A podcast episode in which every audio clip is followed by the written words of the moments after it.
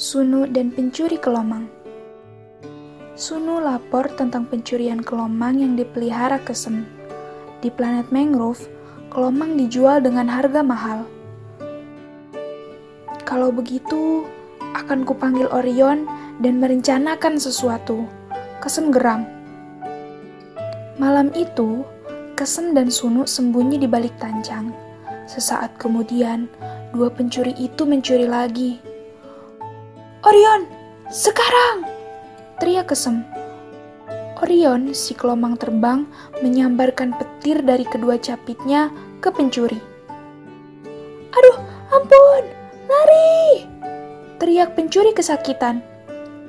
Ah, rasain, emang enak. Sunu kegirangan. Nah, buat teman-teman mangcil semua, ingat ya, dengan saling bekerja sama, maka kita akan dapat menyelesaikan pekerjaan dengan lebih mudah.